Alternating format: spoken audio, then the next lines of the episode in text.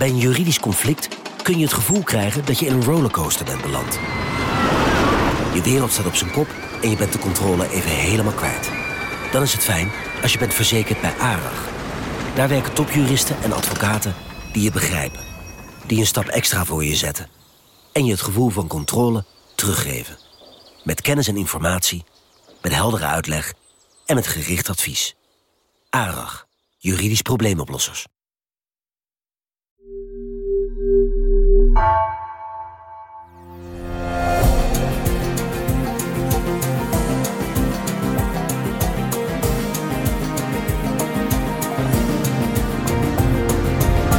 Dit is Lokale Zaken van NRC. Mijn naam is Lemia Aharwai.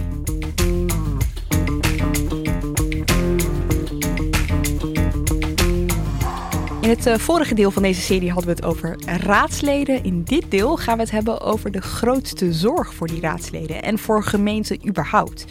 Die zorg die gaat over geld. En dit is een aflevering over strijd. Eén waar aan de ene kant het Rijk staat en aan de andere kant de gemeente. En dit is een heel relevant onderwerp. Tietja Ketelaar, redacteur lokale politiek. Want het helpt om beloftes die partijen nu doen in de verkiezingscampagne in context te plaatsen. Ja, want partijen kunnen wel mooie plannen hebben, maar hebben ze daar ook geld voor? Iris Verhulstonk, die is er vandaag niet bij, maar je bent wel met haar op reportage geweest. En uh, ja, dat geeft wel een heel goed beeld van hoe gemeentefinanciën direct van invloed zijn op politieke keuzes. Maar eerst even om die strijd goed te kunnen begrijpen, een basislesje gemeentefinanciën van jou, uh, Tietja. Ga je gang. Oh jee. Nou, stel je de inkomsten van de gemeente voor als een taart. Je denkt misschien uh, dat geld van de gemeente, die inkomsten, die komen uit de lokale belastingen. Je hebt misschien net je aanslag gehad, OZB, onroerend zaalbelasting. Ja. En dan heb je verder hondenbelasting, toeristenbelasting, als je net ergens uh, in Nederland in een hotelletje hebt gezeten. Maar dat zijn maar 10% van de inkomsten van gemeenten. Nou, het volgende uh, groep is overige inkomsten. Ze krijgen dividend van bijvoorbeeld een energiebedrijf en natuurlijk de huur van het zwembad, kaartjesverkoop van het zwembad. Dat levert 15% van de taak. Oké, okay, dan komen we op 25%. Dan blijft er nog best een grote hap over. Ja, en die grote hap, 62%, die komt van het Rijk. Dus gemeenten zijn voor een groot deel afhankelijk van de landelijke overheid voor het geld dat zij binnenkrijgen. Die 62% die is onderverdeeld in een klein deel, 11%. Dat gaat naar specifieke uitkeringen. Denk dan vooral aan de bijstand. Maar dan is er ook nog een groter deel, 51%, dus de meerderheid, en dat is vrij besteedbaar. Dat noemen we het gemeentefonds. Al is het relatief wat vrij besteedbaar betekent. Want gemeenten hebben natuurlijk bepaalde taken en die moeten ze uitvoeren. Dus uh, dat is eigenlijk keuze maken binnen een lijst met vastgestelde keuzes. Ja. Moet ik het zo zien? Zo moet je het zien. Oké, okay, nou je laat het woord gemeentefonds vallen en dan raak je natuurlijk meteen de kern. Want dit is het strijdpunt waar het nu al jaren over gaat. Hoewel je er in de verkiezingscampagne trouwens best wel weinig over hoort. Nou, ik heb deze portefeuille lokale politiek nu ruim vier jaar. En dit is waar gemeentebestuurders en lokale politiek zich het meest zorgen over maken. Ik noemde net het voorbeeld van de taart. Het gaat om de grootte van de taart en het gaat om de verdeling van de taart. Want we hebben het hier over 63 miljard euro. Dat is de pot die het gemeentefonds heet. En dat geld moet worden verdeeld onder 345 gemeenten. Ja, en uh, hoe groot de taarten dan zijn, als we die gemeentes als taarten uh, uh, blijven benoemen, uh, dat hangt af van echt een heleboel factoren. Ja, echt. Nou, het zijn er ongeveer 60 maatstaven. Dus hoeveel jongeren je hebt, hoeveel ouderen je hebt, hoeveel inwoners je überhaupt hebt, hoeveel koopwoningen, hoeveel huurwoningen, maar ook bijvoorbeeld de bodem. Um, huizen op veengrond moeten sneller verstevigd worden, want die veengrond die klinkt in. Um, heeft een gemeente veel water, dan kan er kans zijn op overlast. Dat is enerzijds, maar aan de andere kant misschien ook recreatiemogelijkheden. Dus dan moet je daar weer meer geld voor kunnen krijgen. Het probleem is dat die maatstaven, dus die 60, die zijn al een paar decennia oud. Die zijn voor het grootste deel in 1997 opgesteld. En sindsdien hebben gemeenten allerlei taken erbij gekregen. Ze zijn in grootte veranderd door bijvoorbeeld herindelingen. Ja. En dus wordt er al een hele tijd door gemeente en Rijk gepraat over de herijking van dit gemeentefonds. Dus hoe de taart wordt verdeeld. Het is een soort update, moet ik het zo zien? Ja. Naar de maatstaven van nu. Oké, okay. dat is die verdeling. Is dat dan ook waar de strijd tussen het Rijk en de gemeente over gaat? Nee, want eigenlijk is iedereen het er wel over eens dat, dat uh, maatstaven uit 1997 gewoon niet meer moeten gelden. Dus dat er opnieuw verdeeld moet worden, daar is iedereen het over eens. Maar um, de vraag is natuurlijk, hoe groot is dat fonds? Dus hoeveel geld zit er in dat gemeentefonds? En wat moet de gemeente daarvan kunnen doen? En dat heeft te maken met al die extra taken die ze in 2015 kregen. Ja, om dat te kunnen begrijpen, gaan we eventjes het onderscheid maken tussen alle taken die een gemeente heeft. Want het idee van de gemeente die alleen verantwoordelijk is voor het onderhoud van de parkjes en die kapotte lantaarnpalen, dat is echt best wel achterhaald. Nou ja, uh, de gemeentepolitiek begint als, op het moment dat jij de voordeur uitstapt. Dus het gaat wel degelijk over de, de stoeptegels, de gebouwde omgeving, de groenvoorziening, de vergunningen voor horeca, voor winkels, over bibliotheken en over zwembaden. Maar ik zei net al het jaartal 2015. Toen is er iets belangrijks bijgekomen. Toen hebben gemeenten een groot aantal taken erbij gekregen, zoals jeugdzorg, werk en inkomen, zorgen aan langdurig zieken en ouderen. Je hoort wel eens het woord WMO, Wet Maatschappelijke Ondersteuning. Dat is dit. Nou hoor je gemeenten klagen dat dat niet gaat, hè? dat het te veel is. Maar vergeet niet, ze wilden die taken zelf. Ze zitten immers dichter op de inwoners en ze hadden het idee: wij kunnen beter inschatten wat onze inwoners voor zorg nodig hebben. En uh, dan zijn we goedkoper uit. Alleen heeft dat in de praktijk niet zo uitgepakt. Dus gemeenten die zeggen: oké, geef die taken nou aan ons. Wij hebben veel beter zicht op welke mensen in onze gemeente wat voor zorg nodig hebben. Laat ons het nou eventjes regelen. Die wens is ingewilligd. Maar er kwam vanuit het Rijk wel echt een soort gigantisch eisenlijstje bij, vol met voorwaarden. Nou ja, die huishoudelijke hulp die werd, die ging ook naar de gemeente toe. En er werd voor bedacht, voor 19 euro per week kan iedereen volgens zij het Rijk, iedereen moet die huishoudelijke hulp kunnen inschakelen. Maar er zijn natuurlijk ouderen die dat zelf best konden betalen en daarvoor ook deden. Maar die klopten natuurlijk ook allemaal bij de gemeente aan, want ja, anders ben je een dief van je eigen portemonnee. Dus gemeenten zagen opeens veel meer ouderen die huishoudelijke hulp wilden en daar van de gemeente geld voor wilden krijgen. En ze merkten ook dat omdat ze zo dichtbij waren, uh, op, op de samenleving dat ze meer kinderen signaleerden die zorg nodig hadden. Dus aan het begin van deze decentralisatie kwamen er veel meer kinderen in de jeugdzorg die ook vaak langdurigere zorg nodig hadden. Dus die gemeenten die zien wie er zorg nodig heeft. In de jeugdzorg ze zien welke kinderen geholpen moeten worden. Maar in de praktijk ja, viel het toch wat minder positief uit, want meer mensen die zorg nodig hebben betekent ook meer kosten. En die, uh, dat geld voor die meer kosten, dat kwam er niet bij. Uh, tegelijkertijd werden er wat, wat ambtenaren altijd eufemistisch ombuigingen noemen. Uh, Dan bedoelen ze? Bezuinigingen. Ja. ja. Dus meer taken en tegelijkertijd bezuinigingen. Ja, en sindsdien weten we dat er nog veel meer dingen op gemeenten afkomen. Dus om de komende tijd maar te nemen, energietransitie, duurzaamheid, woningbouw staat allemaal op het programma om door gemeenten uitgevoerd te worden. En zij vrezen dat ze daarvoor ook geen extra geld krijgen. Ja. En, en overigens moet er wel iets bij zeggen. Namelijk gemeenten werken ook samen om dit soort grote opdrachten te doen. Dus uh, in regionale samenwerkingsverbanden, dat zag je met corona, hadden we het opeens over de veiligheidsregio's. Die kent inmiddels iedereen wel, maar daar moeten gemeenten ook voor betalen. En ze kunnen niet zeggen, wij doen niet mee aan de veiligheidsregio. Dus er zijn ook van dit soort verbanden waar ook geld heen gaat. Oké, dus uh, meer taken, meer verantwoordelijkheden. Er komen alleen maar meer taken bij. En dat betekent tot nu toe niet ook meer geld. In 2017, 18 begonnen al de eerste scheurtjes te ontstaan in gemeentelijke begrotingen. Een aantal gemeenten met heel veel jongeren die ontdekten dat ze structurele financiële tekorten kregen. Namelijk, ze moesten veel meer jeugdzorg bieden dan ze eigenlijk begroot hadden. En die gemeente die trok aan de bel. Ze hadden toch het gevoel dat er niet naar ze werd geluisterd. Ik heb nog nooit wethouders en burgemeesters op het binnenhof zien demonstreren. Nou, dat gebeurde.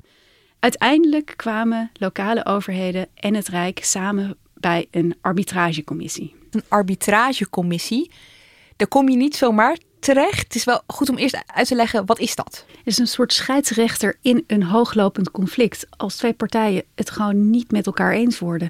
En het feit dat twee bestuurslagen, twee overheidslagen tegenover elkaar komen te staan bij zo'n commissie van wijzen, dat geeft eigenlijk aan dat praten niet meer lukt. En dat is echt wel heel bijzonder. Ehm, ik ging met Iris Verhulstonk daarover praten met Jan van Zanen, burgemeester van Den Haag en ook voorzitter van de Vereniging van Nederlandse Gemeenten. Nou, zei de premier, dan doen we arbitrage. Dat is een soort van, nou ja, dat je het nog eens aan iemand anders voorlegt. Zien we het nou verkeerd doen. En die hebben ook een uitspraak gedaan. En toen bleken de gemeenten gelijk te krijgen. Dus we hebben wat tekorten en dat moet terugbetaald worden. Ik weet nog dat jullie naar hem toe gingen, dat jullie erover vertelden. En dat was helemaal niet zo heel lang nadat het coalitieakkoord van Rutte 4 was gesloten. Nee, want terug naar die arbitragecommissie die ik noemde net. Die gaf de gemeente in mei vorig jaar gelijk. Dus dat was op het moment dat de formatie nog gaande was. En die arbitragecommissie die zei, die gemeenten moeten er echt 1,3 miljard euro bij krijgen. Oh, dus die gemeenten die dachten, yes, we zijn binnen, hier moeten ze wel iets mee. Er werd nog geformeerd, er moest nog een regeerakkoord worden gesloten. Dus die uitspraak was voordat de formatie voorbij was. Nou, en uh, even wachten. En, uh, uiteindelijk kwam dat nieuwe regeerakkoord. Daar staat inderdaad wat. Maar wat er staat is dat er vanaf 2025 structureel 500 miljoen op de jeugdzorg moet worden bezuinigd. Maar als zo'n commissie heeft gezegd dat gemeentefonds daar moet 1,3 miljard bij. Hoe kan dit kabinet dan denken, nou we gaan dit gewoon naast ons neerleggen? Wat is de gedachte erachter? Nou, het lastige is dat de gemeenten een jeugdzorg kregen waar al veel problemen waren. En het kabinet wil dat er eerst hervormd gaat worden. Dus die jeugdzorg die moet anders ingericht worden. Dus de gedachte is, wij gaan jullie nu niet meer geld geven. We moeten eerst eventjes nadenken hoe we dit anders kunnen invullen. Ja, en de gesprekken liggen nu stil tussen Rijk en lokale overheden. Wat betekent dat dan in de praktijk? Wat zijn de gevolgen daarvan? We hebben het over jeugdzorg. Krijgen kinderen dan bijvoorbeeld geen zorg meer? Nee, want gemeenten hebben een zorgplicht. En dat betekent dat de zorg gewoon doorgaat. Maar gemeenten moeten een sluitende begroting inleveren ieder jaar. Dat betekent dat ze niet meer mogen uitgeven dan er aan inkomsten binnenkomt. En ik vertelde al, het grootste gedeelte van die inkomsten komt van het Rijk. Lokale belasting kan maar beperkt verhoogd worden. En dat betekent dat om het gat te dichten, ze niet op die kinderen gaan bezuinigen. Natuurlijk niet. Maar ze gaan het geld ergens anders vandaan halen. En in de praktijk betekent het gewoon dat er voor andere taken minder geld overblijft. We vroegen het uh, van Zanen ook. Wat betekent het nou voor inwoners als er niets gaat veranderen aan de situatie? Nou, die gaan dan merken dat er een, uh, een verdere verschraling zal optreden in de openbare ruimte. En bij voorzieningen die, die publiek gefinancierd zijn, die dus door gemeenten worden gefinancierd. En dat, dat zie je dan onmiddellijk. Dus de bibliotheek, de zwembaduren. hoe ziet het eruit in de parken, in het groen? En er zijn veel meer dingen. Uh, openingstijden van een stadhuis, ik noem nog maar wat. Weet je, als je je paspoort moet hebben. Ja, dat soort dingen. Het, het, het moet uit de lengte of uit de breedte komen. We wilden dit nog concreter maken. Met Iris ging ik naar Rokkeveen, een wijk in Zoetermeer. En in Zoetermeer begon eigenlijk het landelijke verzet tegen de manier waarop gemeentefinanciën zijn georganiseerd. Zij ontdekte al redelijk vroeg, 2016 eigenlijk al, dat ze veel meer jongeren hadden die zorg nodig hadden. En ik had het net al over dat gemeentefonds en die maatstaven uit 1997. Toen was Soetermeer een hele andere stad, een forense stad. En nu is het echt een grote gemeente met grootstedelijke problematiek. Super interessant. Dus dan zie je dat de werkelijkheid eigenlijk die maatstaven uit 97 aan het inhalen is. Ze moeten meer geld uitgeven aan de zorg, want ze hebben meer jongeren. Die begroting die moet sluitend zijn. En dus moeten ze ergens op bezuinigen. Ja, in 2019 moesten het stadsbestuur en de gemeenteraad samen besluiten over waar dan te bezuinigen. En ze hadden een lijst van 120 mogelijkheden. 120. En Iris en ik zijn gaan kijken hoe dat uitpakte. Ik stel toch een stuk of 15 mensen in wat niet eens een hele grote bibliotheek is. Het is best wel druk. Nou, dit is een gewone bibliotheek natuurlijk, hoe we het ons allemaal kunnen voorstellen. In, op verschillende plekken zaten mensen te lezen. Er was een kinderhoekje, er was een koffiemachine waar mensen gewoon uh, een bakje koffie gingen halen om een krantje te lezen. Deze plek die zou eigenlijk gesloten worden. De gemeente die was naar de bibliotheek gegaan met de mededeling: jullie moeten fors bezuinigen, 250.000 euro. En um, dat kwam al naar meerdere rondes van bezuinigingen. En het bedrag dat ze moesten bezuinigen was min of meer het geld of de huur van twee wijkbibliotheken, waarvan Rokkeveen er dus één was. Je zou denken, nou, dicht en dan is het probleem opgelost. Maar de manager van de bibliotheek, Kevin Kok, vertelde dat zowel de bibliotheek als alle omwonenden het er niet mee eens waren. Nou ja, wij konden onszelf daar, eh, daar helemaal niet in vinden. Wij, wij, wij willen heel graag dichtbij, uh, dichtbij onze, onze, onze leden zijn, dicht bij de doelgroep zijn, in de wijk zijn waar het voordelig gebeurt. het is op zich de, het recht van de gemeente om te zeggen: jullie krijgen minder. Dat snappen we heel goed. Maar wij vinden het echt wel een stap te ver dat de gemeente ook zei: van nou, dan moeten jullie die wijkvestigingen besluiten. De bibliotheek is wel een, een zelfstandige stichting eh, met, een, eh, met een directeur-bestuurder, met een raad van toezicht. Um, zij hebben gezegd: joh, wij, willen, wij nemen de vrijheid om daar een alternatief plan voor, uh, voor te maken. En wat hebben ze uiteindelijk gedaan? Ze hebben besloten om de hoofdvestiging kleiner te maken. Die was uh, twee verdiepingen en ze hebben de onderste verdieping gewoon gesloten en teruggegeven aan de gemeente van nou doen jullie maar iets anders met die verdieping. En daardoor kon de wijkbibliotheek in Rokkeveen blijven bestaan. En dat is belangrijk, want de bibliotheek is al lang niet meer een plek om gewoon een boek uit te lenen. Er komt heel veel samen en dat vertelde Ellen, de bibliothecaresse, ook. Alleen al om het contact, om het sociale gebeuren. Want dat zie je ook veel mensen die hier komen van wat moet ik nu doen? Ik zou blijven lekker zitten. En als je wat wil zeggen, dan mag het. Maar ook het samen zijn, het samen praten, dat, dat, dat vinden mensen heel, heel fijn. En de bibliotheek is zo hard nodig. Het papierboek is zo hard nodig. Ja. De Biep is in zo'n wijk ook de plek waar je taalles krijgt. Waar ouderen leren waar ze, hoe ze hun DigiD moeten gebruiken. Waar eenzame mensen de kans hebben om anderen te ontmoeten. Waar je kunt studeren. Ik denk dat de bibliotheken een van de laatste uh, publieke uh, gelegenheden zijn waar je echt zonder enige drempel naar binnen mag. Je zou het maar missen. En je zou het maar niet dichtbij hebben. Je zou maar niet aan je ontwikkeling kunnen werken. Of je zou niet die ontmoetingsplek hebben. Um, waar, moet je dat, waar, ga je, waar, ga je, waar ga je heen? Dus in Rokkeveen dachten ze zoiets van de centrale biep. Daar doen we wat aanpassingen, zodat de wijkbieps open kunnen blijven. Maar jullie zijn verderop in de wijk gaan kijken en daar is het met iets anders niet gelukt. De welzijnsorganisaties in Zoetermeer moesten ook bezuinigen. En daardoor zijn alle buurthuizen samengevoegd tot zes grote inloopcentra. En deze locatie, de Vlieger, die is te huur. En daarmee heeft het niet meer de functie die het had.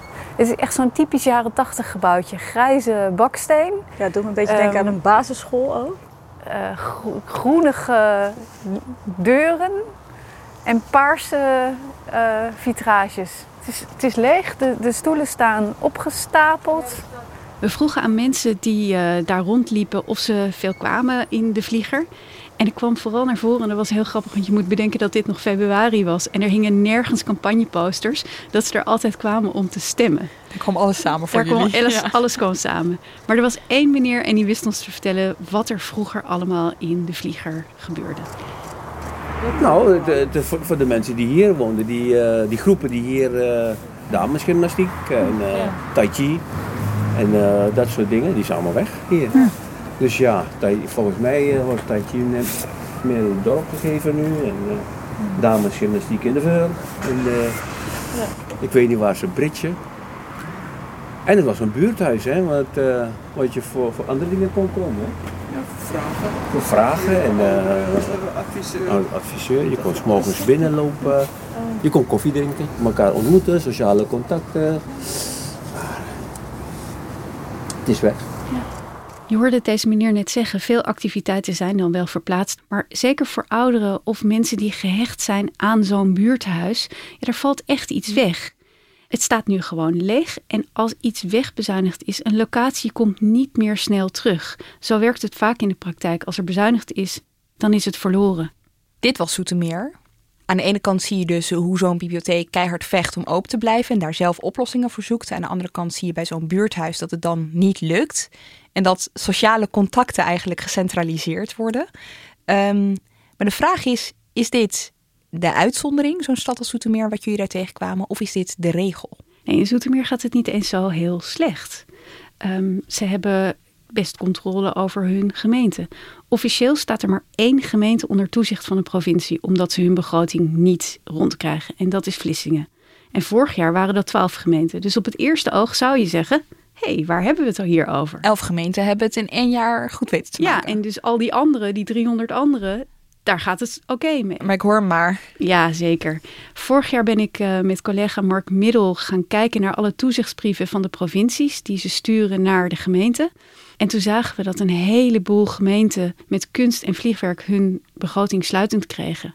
Bijvoorbeeld dat ze het onderhoud aan wegen, bruggen en gebouwen uitstellen. En dat kan je een keer doen en dat kan je misschien nog een keer doen. Maar op een gegeven moment moet die weg echt gerepareerd worden. Het is uitstel eigenlijk. Ja. En het andere is accountantskantoor BDO. Die doet al vier jaar onderzoek naar de jaarrekeningen van gemeenten. En die uh, concludeerde in januari dat één op de vijf gemeenten zo weinig financiële buffers heeft dat ze in de categorie meest risico vallen. Dat betekent dat ze niet in staat zijn om hun financiële verplichtingen te voldoen. En dat betekent in, concreet? Nou, dat ze dus inderdaad gewoon fors moeten gaan bezuinigen op van alles. Dat het, we hebben het niet eens meer over laaghangend fruit, we hebben het echt over sluiten. Dan hebben we het in Haagse zaken uh, vaak over politiek hè, en over politieke keuzes. Om die te kunnen maken is er vaak wel wat van financiële ruimte nodig. Um, dat veel van die gemeenten de eindjes aan elkaar moeten knopen. Hè. Uh, heeft dat ook gevolgen voor ja, politiek bedrijven? Ja, enorme consequenties. En daar zijn we over gaan praten met gemeenteraadslid Marijke van der Meer van de lokale partij Zo Zoetermeer. Zij heeft uh, samen met een collega raadslid van het CDA en van het VVD Raden in Verzet opgericht. We zijn niet raadslid geworden om de stad kapot te bezuinigen. Kijk, er is natuurlijk altijd een conflict tussen de een die wil uh, 3 miljoen extra voor het museum en de ander die denkt van ik heb liever boa's. Ja. Dat, that's life. Hè? Ik bedoel, zo hoort dat in, in, in de democratie. En dat, die keuzes moeten we maken. Als er oneindig geld was, heb je die hele raad niet nodig. En dat is ook zo. Politiek is keuzes maken met de middelen die je hebt. Als het alleen maar minder minder is, dan worden, die, worden het keuzes maken in wat je als eerste weg doet. En de ene keer valt het kwartje de ene kant uit. En, en, en die zit altijd wel eens krap en dan moet bezuinigd. En een ander moment valt het weer mee, dan kun je weer wat. Maar op een gegeven ogenblik, als je alleen maar ieder jaar verder aan het bezuinigen bent, bezuinigen, bezuinigen, bezuinigen. Die raadsleden, niemand die, die kan iets van zijn idealen waarmaken. In principe zou je dat natuurlijk ook politiek kunnen noemen. Hè? Ik bedoel, uh, bezuinigen is ook politieke keuzes maken. Maar wat ze zegt over idealen waarmaken, dat blijft wel eventjes uh, hangen. Want wat kan je nog beloven als je eigenlijk alleen maar bezig bent met bezuinigen. Ja, Marijke van der Meer vertelde ons dat ze echt buikpijn had toen ze bij een bijeenkomst zat waar alle partijen die deelnemen aan de gemeenteraadsverkiezingen waren. Want dan werd er gevraagd: wilt u dat er uh, meer of minder geld naar cultuur gaat? En zij zei: dat is niet eens meer een keuze. En partijen die nu in de gemeenteraad van Zoetermeer zitten, die weten hoe het zit met de financiën. En die weten dat dat geld er gewoon op dit moment niet is. Nieuwe partijen, die weten dat niet. Dus die beloven van alles. Oké, okay, Titia, jij volgt de lokale politiek nu zo'n vier jaar. Dat gemeentefonds, bezuinigingen, geldtekort.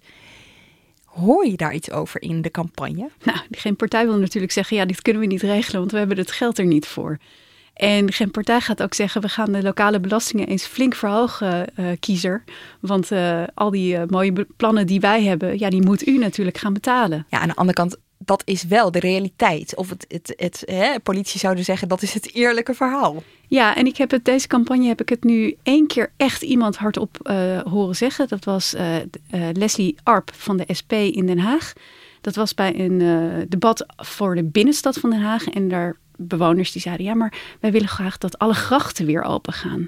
En zij zei eerlijk, Um, nee, uh, de vergroening van andere wijken heeft voorrang. Dat was het eerlijke verhaal. Een kwartje kan je maar één keer uitgeven. Ja, nou begonnen we dit verhaal over die strijd hè, die er nu is tussen het Rijk en de gemeente.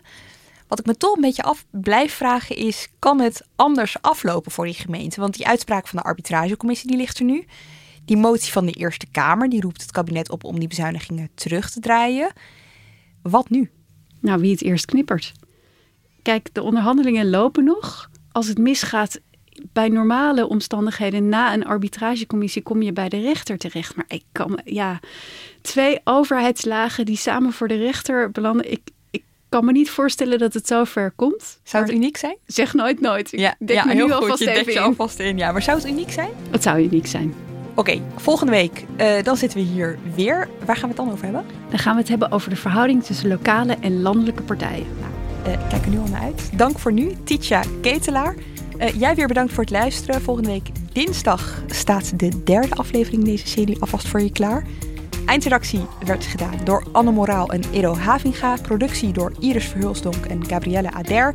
Montage door Marco Raaphorst. Tot volgende week.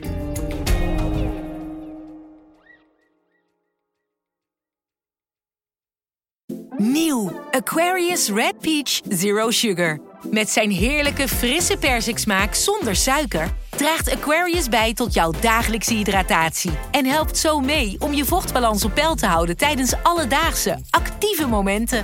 Thuis, op het werk of onderweg. Ook verkrijgbaar in smaken lemon en orange. Probeer hem nu.